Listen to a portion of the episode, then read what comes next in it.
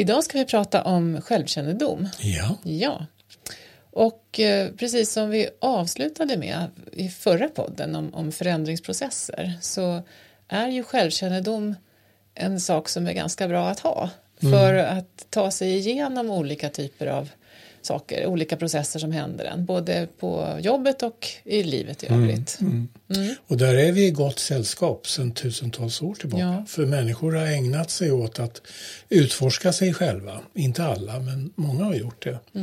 Eh, för att förstå sig själva bättre. Och eh, delar av det goda sällskapet är bland annat oraklet i Delphi Ja. som hade som devis känn dig själv. Sokrates, Ja. filosofen, känn dig själv. Jätteviktigt. Ja, så det är alltså inga nyheter det här med självkännedomens Nej, nej. betydelse, men icke desto mindre viktigt att påminna sig av och till. Men vad menar man egentligen då med självkännedom? Det låter ju så tjusigt. Någonting som man själv har som alla andra saknar. Ja, det är en väldigt sorglig historia att det är på det viset. Men, eh, om man nu ska konkretisera vad, vad det kan handla om så, så tänker jag i alla fall generellt att det handlar om att bli mer medveten om olika aspe- aspekter av sig själv. Som, Som till exempel, eh, kanske allra viktigast egentligen, mina beteenden. Eh, både, ja, va- vad gör jag och hur påverkar jag andra? oftast, eh, min association då är att hur påverkar jag andra i negativ riktning, eller? Ja, både och, Både och. tänker jag. Ja. Ja. Ehm, känslor, förstås. Eh, vad är det egentligen jag känner i olika sammanhang? Eh, vad, kä- vad hänger mina känslor ihop med? Och ja, vilken känsla är det egentligen som jag har? Alltså ibland kan det ju vara så att jag känner mig ledsen och upptäcker att egentligen så är jag faktiskt arg. Och liknande saker. Att, att det, det där mm, kan tåla en, en liten fundering kring. En annan aspekt just av eh, självkännedom vad det gäller känslorna slår det mig just nu. Det är ju också att man kan ha mixade känslor inför saker och ting. Och det är också någonting som vi kan så att säga hålla ifrån oss för att det är ganska påfrestande. Man kan både vara förväntansfull inför någonting, apropå förändringar, Mm. Och ambivalens. och sen, ja. ja. ambivalensen vi pratar om. Och, och, det kan ju kännas som att man har svalt en tryckkokare eh, i kroppen. Liksom. Ganska plågsamt. Ja, nej men visst. Och, och andra saker att bli mer medveten om kan ju vara ens egna tankemönster och tolkningar. Mm. Hamnar man ofta i att, att uppfatta till exempel eh, eh, intentioner bakom andra människors handlingar, alltså att man, man är lite misstänksam eh, eller har man goda, tänker man alltid att det finns goda intentioner. Eh, hamnar man i eh, farhågor väldigt lätt Mm. eller eh, fastnar man i tankar om att det var bättre förr. Mm. Mm. Ja, olika typer av sådana liksom, ingångna stigar i, i tankemönstren kan vara bra att, att bli mer medveten om.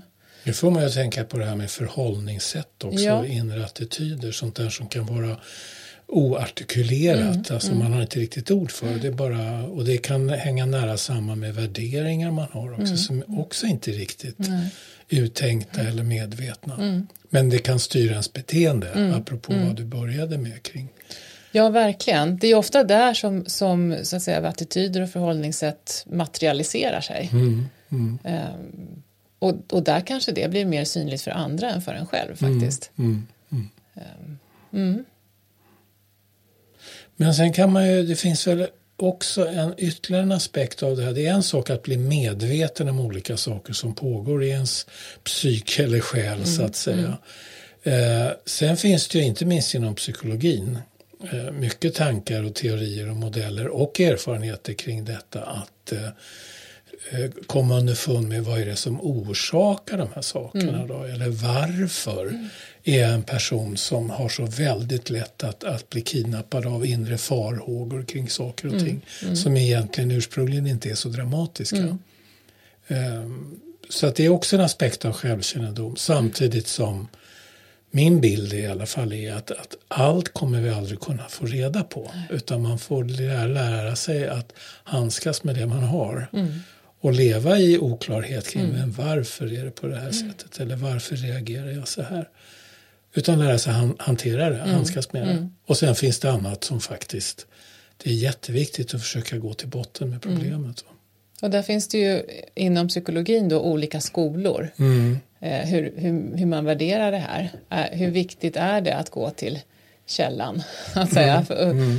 eh, och går det överhuvudtaget? Mm. Mm. Nu på senare årtionden här så har ju eh, det här med KBT mm. slagit igenom stort. Kognitiv beteendeterapi. Ja. Mm. Och där, där eh, lämnar man ju en, en hel del av så att säga, orsakerna, djup, mer djupliggande orsakerna därhän och menar mm. att det, det kan man inte veta så mycket om alltid mm. utan att mm. det är viktigare att förstå vad som triggar vissa beteenden. Ja. Eh, om man jämför då med den psykodynamiska psykologin mm. som ju mm. traditionellt bygger på att man genom medvetenhet kring de bakomliggande orsakerna så mm. kan man frigöra sig från invanda mönster. Mm. Mm. Och, ja, så att det, det, man kan värdera det på lite olika sätt. Mm. mm. Eh, jag tänker som eh, organisationspsykologer, då, även om det inte är väldigt så uttalat så mm. ligger det ju väldigt nära den kognitiva mm. synsätten i hur man arbetar med ett team till exempel mm. och få ett team att fungera bättre. Mm. Eller detta med att ta en funktionell roll ja. som vi har varit inne på så mycket. Mm. Medans, så, så kan jag tänka som organisationspsykolog. Mm. Men, men eh, som mera privatperson, mm. reflektioner kring mig själv och min egen person och hur jag samagerar med andra. Då tänker jag liksom mycket mer psykodynamiskt. Mm. Jag sitter mm. inte och analyserar det på det mm. sättet men det finns som en eh, lite o, outtalad världsbild eller mm. människosyn som jag har mm. som, som är mycket mer förankrad i uh, den här psykodynamiska, mera så kallat djupgående psykologin. Ja, och det sätter väl fingret på det här också att man kan titta på det här med självkännedom som att det, det har olika nivåer. Mm. Alltså det, det här som du nämner om man jobbar som organisationspsykolog och man jobbar med människor på en arbetsplats. Då brukar vi ju kalla det för att man arbetar med en funktionell självkännedom. Mm. Som sagt med funktionella roller och, och att sortera till exempel då vad liksom vilka av ens egenskaper som är användbara i en viss roll mm. och vilka egenskaper som kanske är bättre lämpade att, att spara till andra sammanhang och tillfällen. Mm. Då. Medans eh, den här mera djupgående självkännedomen som en, en djupgående psykoterapi eller, eller djup mm. meditation och så handlar om. Det, det rör ju sig mer åt det existentiella hållet mm. kanske. Så det är ju liksom, det är lite olika sfärer. Mm. Jag kan bli nyfiken på hur många lyssnare som just nu har varit med ganska länge i gamet och mm. kanske just har varit på olika typer av utvecklingsprogram och så vidare där man har mera utgått från det här mera psykodynamiska synsättet mm. Mm. och folk har då till och med kunnat få ganska illa för man har liksom väckt upp en massa saker på en kursgård mm. och sen åker alla iväg mm. hem igen och så mm. ska man vara på jobbet på måndagen och mm. vara frisk och fräsch och glad och pigg. Va? Så att på det viset är det en fördel att det liksom har stramats åt. Mm. Eh, och att man verkligen försöker avgränsa vad, vad är det som jag behöver eh, eventuellt förändra mm. faktiskt och vad är det jag mm. behöver komma underfund med med mm. mig själv för att funka bra i min yrkesroll. Jag tänker vi kanske ska ta något konkret exempel på vad det är vi pratar om egentligen då. Det här Oj då. med ska vi behöva bli konkreta? med att ta eh, den här funktionella rollen på, på jobbet då. Och, alltså, vi har ju varit inne på det i tidigare avsnitt när vi pratade om, om att, att ta en roll och mm. så, men jag tror det mm. tål att upprepas. Mm. Att, till exempel kan det ju vara så, tänker jag, att eh, säga att jag jobbar, jag jobbar som undersköterska på ett äldreboende. Mm. Eh, när jag ska hjälpa de boende då till exempel vid måltider eller med påklädning eller liknande så innebär ju den rollen, det krävs ju då ett, ett ganska stort mått av tålamod. Mm. Mm. Eh, och säg då att jag är en person som är ganska driftig och snabb och har en, en tendens att bli lite otålig när saker och ting tar tid. Mm. Både på jobbet och hemma? Ja, alltså mm. generellt. Mm. Det finns ju jättemycket positivt med att vara sån och även mm. på äldreboendet finns det mycket positivt med att kunna mm. ta tag i mm. saker och sådär. Men just i de här situationerna då kanske där, där en, en äldre boende då trasslar sig fram med, med maten och, och spiller och det kanske är lite besvärligt. Det tar en kvart att knäppa skjortan. Ja, då, då gäller det ju att jag har lite koll på mig själv så att jag inte dels arbetar upp en våldsam irritation över det här mm. och sen eh, inte heller kliver in och börjar riva och röja i den här processen där min uppgift mycket mer är att vanligtvis då att stötta individen själv. Att, att kunna... bibehålla sin funktionsnivå ja. så länge som möjligt. Ja. Mm. Så det kan ju kräva en hel del eh, arbete och kanske först en, kan det bli en sorts förvåning över hur, hur påfrestande det kan vara att hålla mm. sig själv tillbaka mm. som leder till en självkännedom om hur faktiskt otålig jag är. Mm.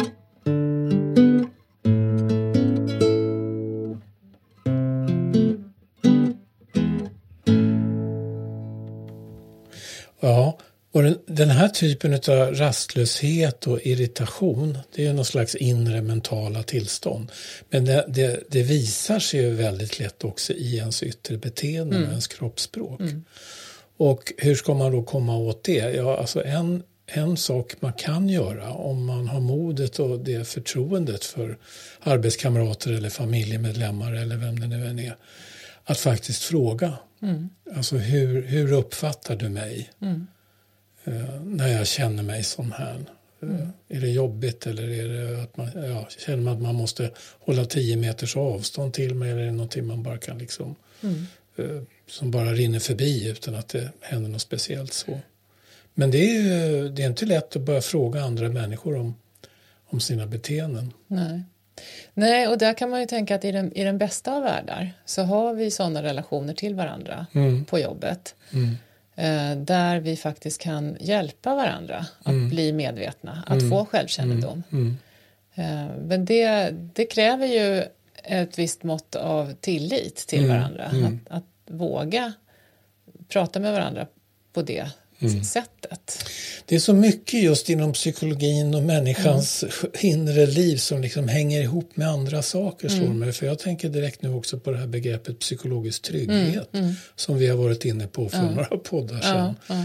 Att, att eh, det är på något sätt, man behöver det för att kunna få feedback från andra. Mm. Och samtidigt bygger man ju upp tryggheten genom att ge varandra feedback. Eh, och där får man ju ett väldigt ansvar, mm. antingen som arbetskamrat eller som människa i största mm. allmänhet, att, att verkligen vara schysst mm. och inte utnyttja när någon sänker garden. Mm. mm. Ja, och inte heller tassa runt och, och, låta någon ha ett beteende som andra pratar om mm. och inte säga något om det. Vilket man ser ganska ofta det händer. Nej, men, och där, där finns det ju en eh, alltså, det här är ju inte heller nytt att tänka nej. kring det. Men jag, jag återupptäckte en, en gammal eh, modell från 50-talet faktiskt. Som, mm. som jag tror många känner till som heter Joharis fönster. Mm. Eh, och, eh, jag ska inte be dig rita upp det, den här nu. Det blir lite svårt men, men eh, principen är ju att det finns ett område en ruta i det här fönstret så att säga där, som, som, består både, som består av sånt som jag är medveten om kring mig själv mm. och som andra också ser. Mm. Alltså där, där är vi på samma bana. Mm. Sen finns det ju en annan ruta där som handlar om sånt som jag vet om mig själv men som jag inte visar mm. utåt. Mm. Som andra inte vet om då? Ja, eller? precis. Eh, så. Och sen, sen, så finns det ju en, eh, en, ruta som handlar om närliggande det vi just nämnde nu då, förut här. Alltså det andra ser, det andra vet om. Mm. Men som jag är blind för. Mm. Det jag inte själv vet. Mm. Och sen finns det förstås en ruta som är helt okänd för, för, för oss, oss, alla. alla. Så ja. o, oanade möjligheter eller mm. så. Mm. Men, men just den här, de här två rutorna där antingen där jag själv känner till någonting om mig men inte andra känner till. Mm. Där finns ju en möjlighet att eh, dela med mig för att göra mig själv mer begriplig Ja. för andra. Eh, och i det här området som handlar om det andra ser av mig som jag själv inte är medveten om. Där finns ju en jättemöjlighet till Mm. eh, självkännedom, ökad självkännedom. Mm. Och som du var inne på, om jag själv kan koppla på min nyfikenhet och fråga om sånt jag undrar kring hur jag uppfattas, Mm. då finns det ofta en hel del att hämta där. Mm. Ehm, och, och tyvärr då kan det ju vara så att vi eh, som utanförstående kring någon eh, eh, liksom slarvar bort det där området lite grann genom att vi antingen då som sagt tassar runt och inte berättar vad vi ser Mm. eh, eller att vi attackerar folk med vad vi ser. Som du säger, när man har garden nere och så fläskar man på då. Ja.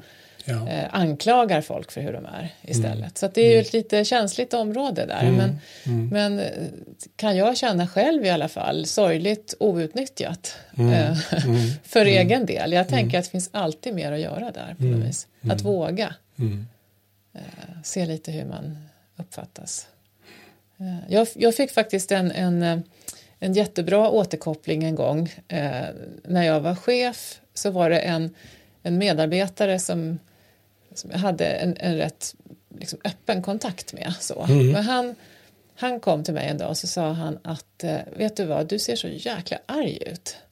När du, och jag förstår att det är när du tänker eller så, men du får en rynka mellan ögonen och du ser så jättearg ut så man blir liksom rädd för dig. Ja, jag håller med.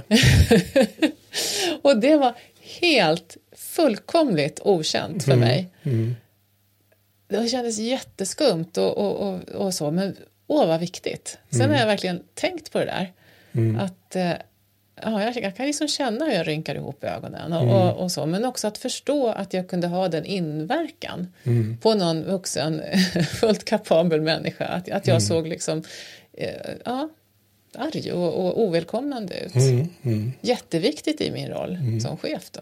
Jättespooky det här på sätt och vis. Det här känner jag till sedan tidigare förstås, men det slår mig nu att när jag var ung, någonstans där runt 20-25 års åldern så var det flera killkompisar eller arbetskamrater som faktiskt tog bladet ur munnen och sa till mig att när man diskuterade saker, inte att jag var arg nödvändigtvis, men när vi diskuterade saker och hade lite olika synpunkter så sa de att du blir alldeles svart i ögonen Palle, man blir rädd för dig, det är ju liksom obehagligt. Och jag fattade liksom ingenting. Och poletten trillade ner ett antal år senare när våran dotter vid något tillfälle sa till mig, pappa du ser jätteläskig ut när du, du blir alldeles svart i ögonen. Och då gav ju det mig Mina killkompisar de sket jag i, men, men dottern, det, det blir någonting annat på något sätt. Så att ibland behöver det ju vara rätt timing också för att man ska bara liksom säga, nej men visst, herregud, jag måste verkligen skärpa Ja. mig. Liksom. Och så gör man faktiskt det också. Nu Ja. är det bara blida blickar. Nej, men det blir ju ett tydligt exempel på att man behöver vara mottaglig för den här återkopplingen om den ska kunna leda någonstans. Eh, och det tycker jag, om man tittar på, och det kanske vi ska återkomma till i något annat avsnitt kommer jag på nu, det här med, med just feedback. Alltså vad, vad är det för feedback som gör nytta och vilken feedback gör inte nytta? Ja, Men då, då är det ju också det här, det här eh, väldigt konkreta som är användbart och som förmedlas i en situation där man är öppen för att ta emot. Så allra helst att man själv har frågat. Ja. Men, men som i mitt exempel här så, så var det också i en relation till en medarbetare som var ganska trygg. Mm, mm. Eh, Så jag kände mig liksom inte eh, påhoppad. Det är ett hett tips det där. Fråga först själv istället för att vänta att någon annan börjar Mm, Ja, säga ja. något. För att då hamnar man lätt på defensiven. Men har man frågat själv då får man skylla sig själv. Nej, men, men då, då blir det, det blir på ett annat Ja, sätt. Man ja. har liksom en viss ändå liksom kontroll över det hela. Eller känner att det här, det Mm. kan bära liksom. Mm. Ja, och sen eh, har vi någonting an, en annan aspekt av detta som är ett av mina favoritområden. Det är nämligen detta med quick fix. Att det här med självkännedom och komma underfund med sig själv, även inom ramarna för en arbetsroll som kan då vara mer liksom begränsat, avgränsad del av mig själv. Så eh, här råder det väldigt mycket strömningar och trender och tendenser mellan människor och i samhället mm. som går ut på att det ska vara enkelt mm. mm. eller smärtfritt. Mm. Eh, det så kallade quick fix, eh, olika former av självhjälpsböcker. Och där många av de böckerna är absolut inte eh, fel eller, eller dåliga. En del är det, mm. men, men äh, även de som inte är direkt dåliga så, utan kan ha en del korn av sanning i sig och så vidare. Många ändå förmedlar någon slags övertro på hur, hur man ska kunna klara av det här eller att man ska kunna sitta ensam och liksom mm. lära känna sig själv. Mm. Eh, och inte göra det i dialog med andra människor.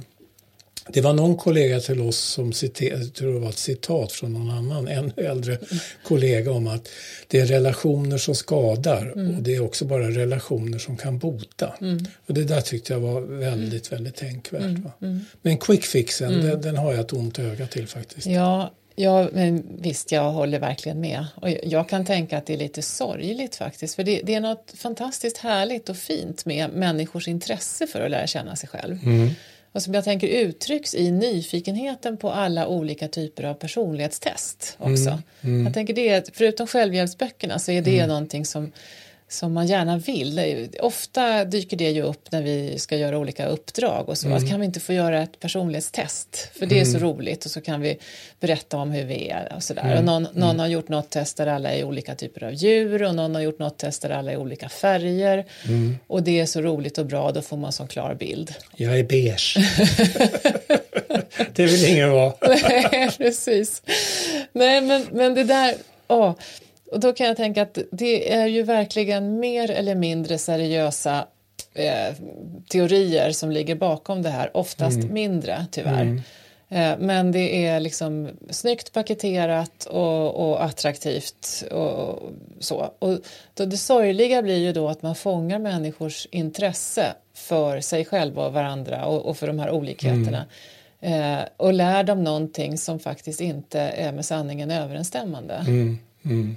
Det är sorgligt tycker jag. Mm, mm. Och sen kan man ju samtidigt se då att de, de test, personlighetstest, de som mäter då beforskade egenskaper. Mm, det finns mm. någonting som kallas för Big Five som är mm. det, det som man då inom psykologin idag menar är de fem olika personlighetsdimensionerna mm. eh, som, som eh, går att bevisa liksom, att vi har olika mycket av. Och, och det är ju så torrt de testen är fruktansvärt torra. Mm, för mm. att det är ganska torrt. Ja. Alltså det är väldigt mycket liksom gradskillnader och, och, och så. Det är inte så där enkelt och klatschigt. Mm, mm, ja, och det där kan ju också vara något ganska svårdefinierat. Alltså jag, jag såg häromdagen en artikel av en kulturjournalist i Dagens Nyheter mm. eh, med ganska svepande kritik av alla personlighetstest. Så.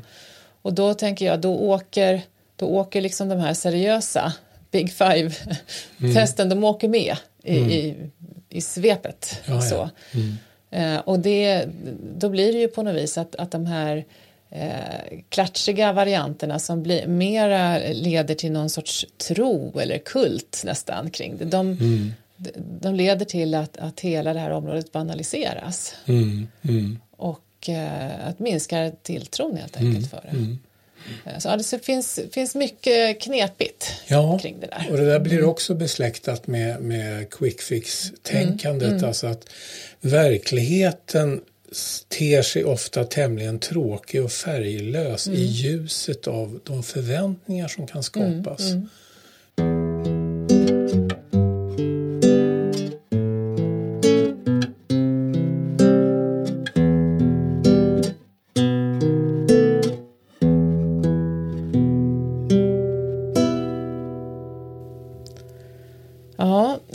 Självkännedom är ju också en viktig byggsten eller pusselbit i det här som man kan kalla personlig mognad. Mm. Och man skulle till och med kunna vrida till det lite och säga att självkännedom utan en personlig utveckling och mognad eh, kanske inte har så stor betydelse egentligen. Mm. Det vill säga självkännedomen behöver manifesteras. Mm. Apropå vi har pratat om beteenden. Mm. Olika beteenden, olika förhållningssätt mm. eh, hur man kommunicerar med andra människor och så vidare. Mm. Och det här finns ju också naturligtvis inom psykologin, en massa olika modeller och mm. teorier om. En eh, modell som har hamnat tyvärr lite grann i skymundan det är barnanalytikern och läkaren Erik Erikssons teori mm. om livet som en serie utvecklingssteg eller utvecklingskriser. Mm. Och eh, just detta att han har alltså byggt olika beskrivningar av de här kriserna som ryms inom barndom, ungdom, vuxenliv och sen förhoppningsvis även en ålderdom. Mm. Och jag ska inte gå in i detalj på alla de här olika utvecklingsstegen men man kan säga att när man har nått det unga vuxenlivet någonstans där i 20-25 årsåldern det utvecklingssteget man står inför då det är att börja bygga upp intimitet med andra människor. Inte bara kärleksrelationer då, utan mm. vänskap och så vidare och goda arbetsrelationer med folk. Att våga så att säga leva nära andra människor och kommunicera och mm. hitta sätt att vara öppen och ärlig kring sig själv mm. och så vidare. Det är den ena polen i den här lilla krisen då, eller valet man står inför. Den andra polen beskriver han med ordet isolering. Mm. Det vill säga att man mera som ung vuxen eh, glider över till att skärma av sig från andra människor. På, och det kan ju se ut på en mängd olika mm. sätt. Och man har svårt att bygga relationer som är varaktiga i alla fall. Mm. Kanske hoppar som en get, inte en geting, var ett bi. Från blomma till blomma. Ja. kan vara gälla både människor, aktiviteter och kanske yrkesinriktningar. Allt vad det kan vara. Man har liksom svårt, man har svårt med tålamodet att vara mm. kvar. Mm. Så det, och det där pågår ett tag. Men sen då förhoppningsvis har man byggt upp då den här mera intimiteten. Och då går man över i vad han kallar för generativitet eller alltså skapande. Man, man mm. faktiskt är verksam och också har väldigt mycket medvetenhet om att man ingår i ett större sammanhang på en arbetsplats till exempel. Mm. det yttersta syftet med verksamheten och allt vad det kan vara. Och eh, för där finns väl också den aspekten av att man skapar för nästa generation. Man skapar för nästa generation, ja. ja. Och Eriksson också beskriver naturligtvis när man blir förälder och sådär. Mm, mm. Eh, att, att eh, man börjar hysa på många sätt mer omsorg om sina egna barn än mm. sig själv. Mm, mm. Vilket kan visa sig i väldigt tillspetsade situationer naturligtvis också. Då. Att man som förälder gör vad som helst för att rädda ett barn. Eh, eh, motsatsen till generativiteten då, som kanske är lite teknisk sådär maskinartat mm. term, eh, är stagnation. Mm. Alltså att man, man liksom, det, bara, det rullar på på ett sätt men man, man kommer liksom inte riktigt vidare med sitt liv och det mm. händer inte mycket med en. Och mm. Man förblir en och densamma eh, hela vägen fram till mm. eh, pensionen. Mm. Och kanske också tappar eller inte utvecklar det här längre perspektivet att, att finnas för någonting längre fram. Ja, liksom. ja. och att man ingår i ett ännu större Nej. sammanhang mm. än, så att säga, bara arbetsplatsen mm. eller familjen. Eh, det man kan möta sen då när man eh, går in i ålderdomen, det begynnande åldrandet, det är en kris som handlar om integritet kontra förtvivlan. Och integriteten, för det, stå, det står för att man accepterar sig själv, man har gjort, man gör ett bokslut med, med livet som det har varit. Eh, man accepterar motgångar, mängd olika sådana mognadsaspekter hos en människa. Att, mm. att uh, kunna se att, uh, ja, släppa bitterhet kanske över olika saker och så vidare. Uh, och motsatsen till det, det är förtvivlan. Mm. Alltså att, att det, det, blir liksom grundstämningen mm. i, i ens åldrande. Att man är förtvivlad, mm. bitter, känner förakt för den egna kroppen och hur den liksom blir gradvis olika funktioner som, som nedsätts och så vidare. Även liksom normalt åldrande mm. Mm. Eh, kan vara en väldig kränkning där och ja, ge upphov till mycket sorg och sådär. Sen får man inte glömma att Eriksson bygger den här modellen på naturligtvis mycket patienterfarenheter. Det gör han. Mm. Samtidigt kritiken har kommit är att det är en väldigt typisk västerländsk modell och den visar en slags idealbild mm. över hur en människa borde mogna. Mm. mm. Och det, jag tycker det kan ligga mycket i det. Mm. Samtidigt eh, så tycker jag att det är en bra karta. Mm eh, som kan vara bra att liksom återvända till ibland och tänka lite grann. Okej, okay, vilket stadium i livet befinner jag mig mm. faktiskt i? Eller nu står jag inför det här utvecklingssteget. Jag kan välja samhörighet med andra människor eller mm. mera liksom bygga upp, om inte annat en slags psykisk isolering. Mm. Även fast man kanske befinner sig mitt i sociala mm. sammanhang. Och jag, tänker att det, i mitt huvud så kopplar det till, till det vi har varit inne på förut också med det här med um, självcentrering eller sammanhangsorientering. Mm. Alltså att eh, så härligt som det kan vara att vara, utgå från sig själv hela tiden så finns det också en baksida av att det blir ganska ensamt. Ja. Alltså, för de här stegen blir ju på något vis att, att öppna upp sig för mm. Mm. att fungera i världen utanför. Och det är väl där också som det här med självkännedom, dels att se var, hur, se, hur befinner jag mig, hur, hur hanterar jag de här mm. kriserna, mm. de här utvecklingsstegen, men också liksom vem, vem, vem är jag? Mm. Mm. Mm. Sen får man inte glömma att, att i, i våran kulturkrets, som i alla kulturkretsar, så finns det en massa inkonsekvenser. Eh, vi liksom, eh, alla kan nästan, tror jag, kan hålla med om vikten av att förstå vilket sammanhang man ingår och, mm. och just det här bryta narcissismen eller mm. självcentreringen. Mm. Samtidigt så upplever vi ju det som mognadssteg hos barn när de till exempel får ett eget rum. Mm. Det är liksom väldigt viktigt hos oss mm. fortfarande att, att det är mm. liksom ett steg i ett barns utveckling. Man får sitt eget rum, man ordnar sitt eget. Och där finns ju en tendens då till att mer mera bli mm. sig själv nog. Mm. Mm. Uh, och så.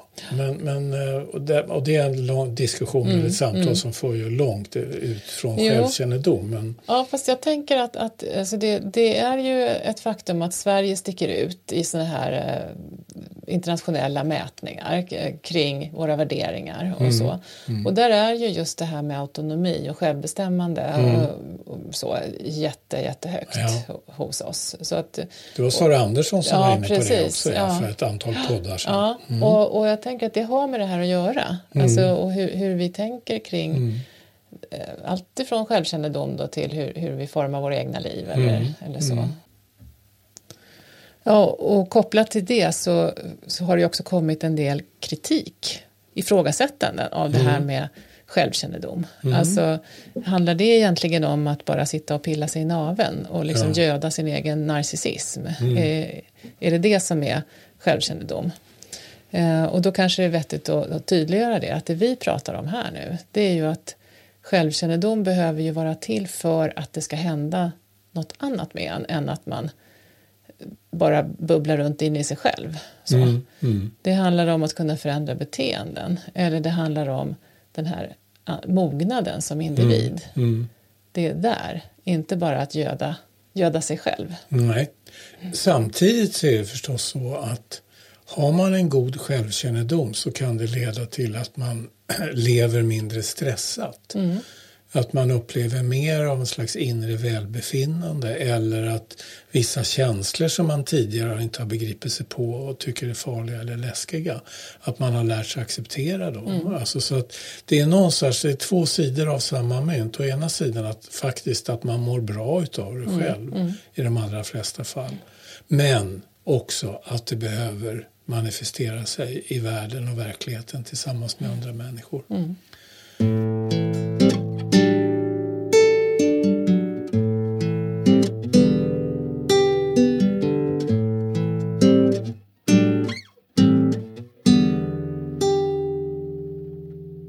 Ja, nu har vi kikat en del på eh, vad självkännedom är, mm. olika aspekter utav det. Vi har också kopplat det till det här med personlig mognad, mm. att självkännedom i sig själv kanske inte är så värdefullt mer än för en själv i vissa lägen om den inte så att säga manifesterar sig i olika typer av handlingar och kommunikationsmönster gentemot andra människor. Mm. Men frågan är hur ska man uppnå detta? Det finns många, många olika vägar till självkännedom. Mm. En del väldigt uppenbara som psykoterapi till exempel. Mm. Och många gånger börjar man ju terapi utifrån en påtaglig upplevelse av brist. Man förstår ja. sig inte på sig själv. Mm. Och det kan handla om starka känslor eller att man ideligen hamnar i destruktiva relationer. Ja, sådana saker. Mm. Och det är ju en väl beprövad väg. Ja. Mm. Men det är definitivt ingen quick fix. Nej, precis. Nej, och det är ju liksom en, en omfattande historia som mm, sagt. Mm. Men, det, men det finns ju lite andra grejer vi kanske inte tänker på sådär som vägar till självkännedom mm. direkt, men, men som faktiskt är det. Mm. Mm. Ja, och ja, vad, vad tänker du på då? Ja, oj, och det finns så oerhört mycket men, men eh, en av de första sakerna jag tänker på det är när man antingen själv utövar eller tar del av olika typer av konst och kulturaktiviteter. Alltså ja. läsa böcker, skriva mm. dikter själv, lyssna eller spela musik, mm. lyssna på eller spela musik. Mm um, dans, alltså alla former, teater inte minst. Uh, och det ger ju en form, alltså jag tror att varför vi dras till det, de flesta människor, det är för att vi känner på oss att det kommer att göra någonting med mm. oss. Det kommer att vidga vårt medvetande eller hjälpa oss kanske att bearbeta vissa saker eller komma till insikt om olika saker.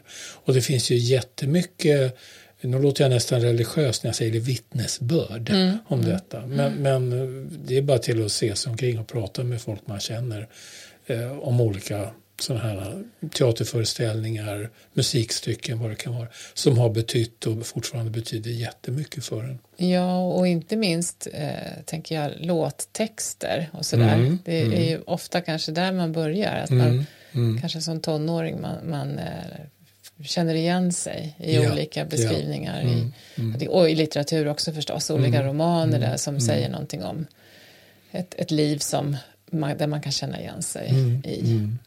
Men, men som sagt, även andra konstformer. Det, för, ja, när jag gick psykologutbildningen så, så skulle man skriva uppsatser om olika grejer där. Och jag, jag skrev, en av uppsatserna handlade om konstupplevelser. Ja. Och då läste jag en bok, och nu minns inte jag vad den författaren hette, men boken hette The Power of Form. Mm. Och han liknade konstupplevelsen, han byggde på just den här igenkänningen och då sa han att konstupplevelsen är som liksom en hängmatta som är kopplad mellan konstverket och betraktaren. Mm. Där det kopplas ihop och det händer mm. liksom i igenkänningen. Där, mm. där händer kopplingen och där händer någonting. Ja, ja. Och det tycker jag är lite häftigt. Mm, eh, mm. Och det har ju jättemycket att göra med att, att upptäcka sidor av sig själv i mm, det här andra. Mm, mm. Det får mig att tänka på när jag var kanske i 15-16 års åldern så hittade jag nere i källaren Selma Lagerlöfs samlade verk, ett antal band, 18 band eller någonting sånt där. Och jag sträckläste allt av Selma Lagerlöf och det var inte, det var liksom inte självkännedom primärt som inträffade men, men det gjorde någonting med min mognadsprocess som mm. tonår, i de senare tonåren och det ledde ju mig in på litteratur ordentligt och sen Per Lagerkvist och eh, inte minst Hermann Hesse var författare som skrev väldigt mycket existentiella andliga böcker. Och det fick mig att reflektera mycket kring de frågorna. Jag tror att det bidrog till min mognad. Mm.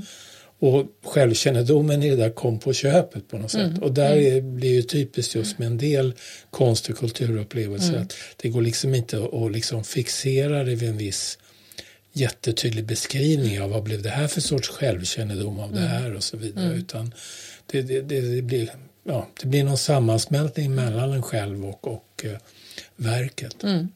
Ja. Jag minns att de frågade Ulf Lundell en gång vad handlar hans senaste bok om och då sa han det vet jag inte, jag har inte fått några läsarreaktioner än. Nej. Typ någonting sånt, ja. alltså att, att det, det händer i mötet mellan ja. författaren och läsaren, möts ja. inuti boken så att säga. Och, och det som har där med självkännedom att göra är ju att jag får med mig någonting, mm. det säger mm. någonting om mig mm. själv, jag mm. hittar någonting. Mm. Ja, men sen, sen, finns det ju förutom konst och kultur då så tycker jag man hör vittnesmål också om självkännedom från till exempel olika äventyrare eller mm. andra som har varit i situationer där man testar sina egna gränser. Ja, ultralöpare ja. är väl det senaste. Man upptäcker i den här aktiviteten då saker med sig själv som man inte kände mm. till. Mm. Att man, ja, vad man är kapabel till eller vad man inte fixar. Och mm. sådär. Mm. Jag läste någonstans en intervju med flera just ultralöpare att eh, om man springer ett sånt här lopp som är 50 mil mm. Man får ju sova mellan varven då. Men, men eh, så någonstans eh, 75 procent in i sträckan så att säga, någonstans där vid 30-35 mil så börjar man uppleva psykiskt känslomässigt enorma brådjup inom sig själv. Och man vill bara liksom ringa efter närmsta taxi, åka hem och lägga sig och gråta. Och där är punkten då man får liksom pressa sig själv utöver det här. Och sen kommer man in i någon slags eufori och så vidare. Ehm, och det blir du sugen Nej. att pröva? inte jag nej, heller. nej, inte direkt. Eh, nej, jag har utmanat mig själv inser jag, på, ett, på ett annat sätt. Det är så att, att eh, jag har en, en häst som nu är 16 år och mogen och klok. Men, men vi, vi, hon är född här hos oss ju. Och eh, hon visade sig vara en mycket eh, dynamisk personlighet. Mm. Så att eh, jag, hade, jag hade hållit på mycket med hästar men jag hade aldrig träffat på en, en dam med den här kraften som hon hade. Så eh, det utmanade verkligen mig att eh, lära mig och hitta i mig själv den stadgan som behövdes för att kunna matcha henne. Mm. Och det har varit jättehäftigt och jag känner att det, den resan som jag fick lov att göra för att, hon, för att kunna hantera henne helt enkelt, den har, har visst, liksom, lärt mig någonting om vad jag är kapabel till som jag har jättestor nytta av även i jobbet faktiskt. Ja. När det är väldigt turbulenta situationer och så, så känner jag att där fick jag med mig någonting. Mm. Jag upptäckte någonting av mig själv.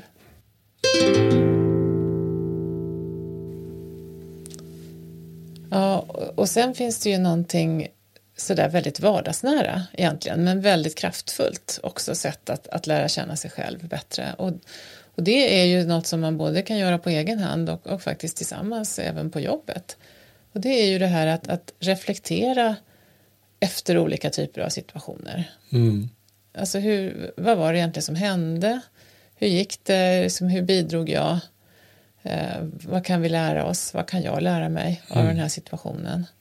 Alltså att, att stanna upp och, och vara lite nyfiken på eh, ja, i, i backspegeln sådär, försöka få ett lite eh, bredare perspektiv på sig själv och, och situationen. Mm.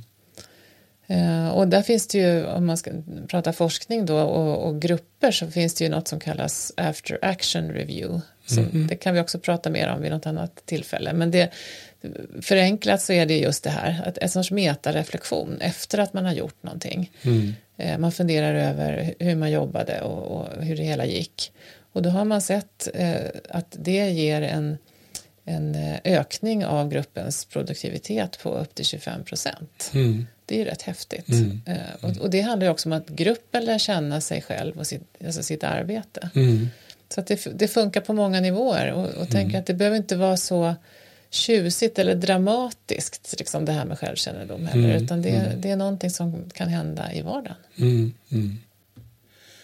För mig låter det också som att en sån här process den innehåller väldigt mycket feedback Mm. sinsemellan arbetskamrater. Och eh, vi snuddade ju vid feedback för en stund sedan och sa att det där borde vi ta, ha ett avsnitt om. Mm. Och det har vi faktiskt. Men det är först nästa avsnitt. Ja, just det. Jo, för det är ju så med, med feedback just nu för tiden så har det dykt upp en massa forskning som är väldigt intressant. Som sätter en del saker man har hållit för sant kring feedback på ända och upptäcker att en del som man trodde var bra faktiskt inte leder framåt. Och, och ja, att det finns andra sätt att ge feedback på för att det ska bli verksamt. Och, eh, en kollega till oss som är väldigt uppdaterad på just den här forskningen. Ja, Hon heter Miriam Hellgren aha. och henne ska vi prata med i nästa podd. Mm. Det blir kul. Ja, det ska faktiskt bli jättespännande och synnerligen intressant. Ja, För det knyter ju an också till detta med självkännedom. Mm. verkligen. faktiskt. Mm. Ja, så vi ser fram emot det. Ja. Och eh, tack för idag. Tack för att ni har lyssnat. Tack för att ni har lyssnat. Ha det så gott så länge. Ja, Vi ses tänker jag inte säga numera utan nu ska jag direkt säga vi hörs. ja. Hej då.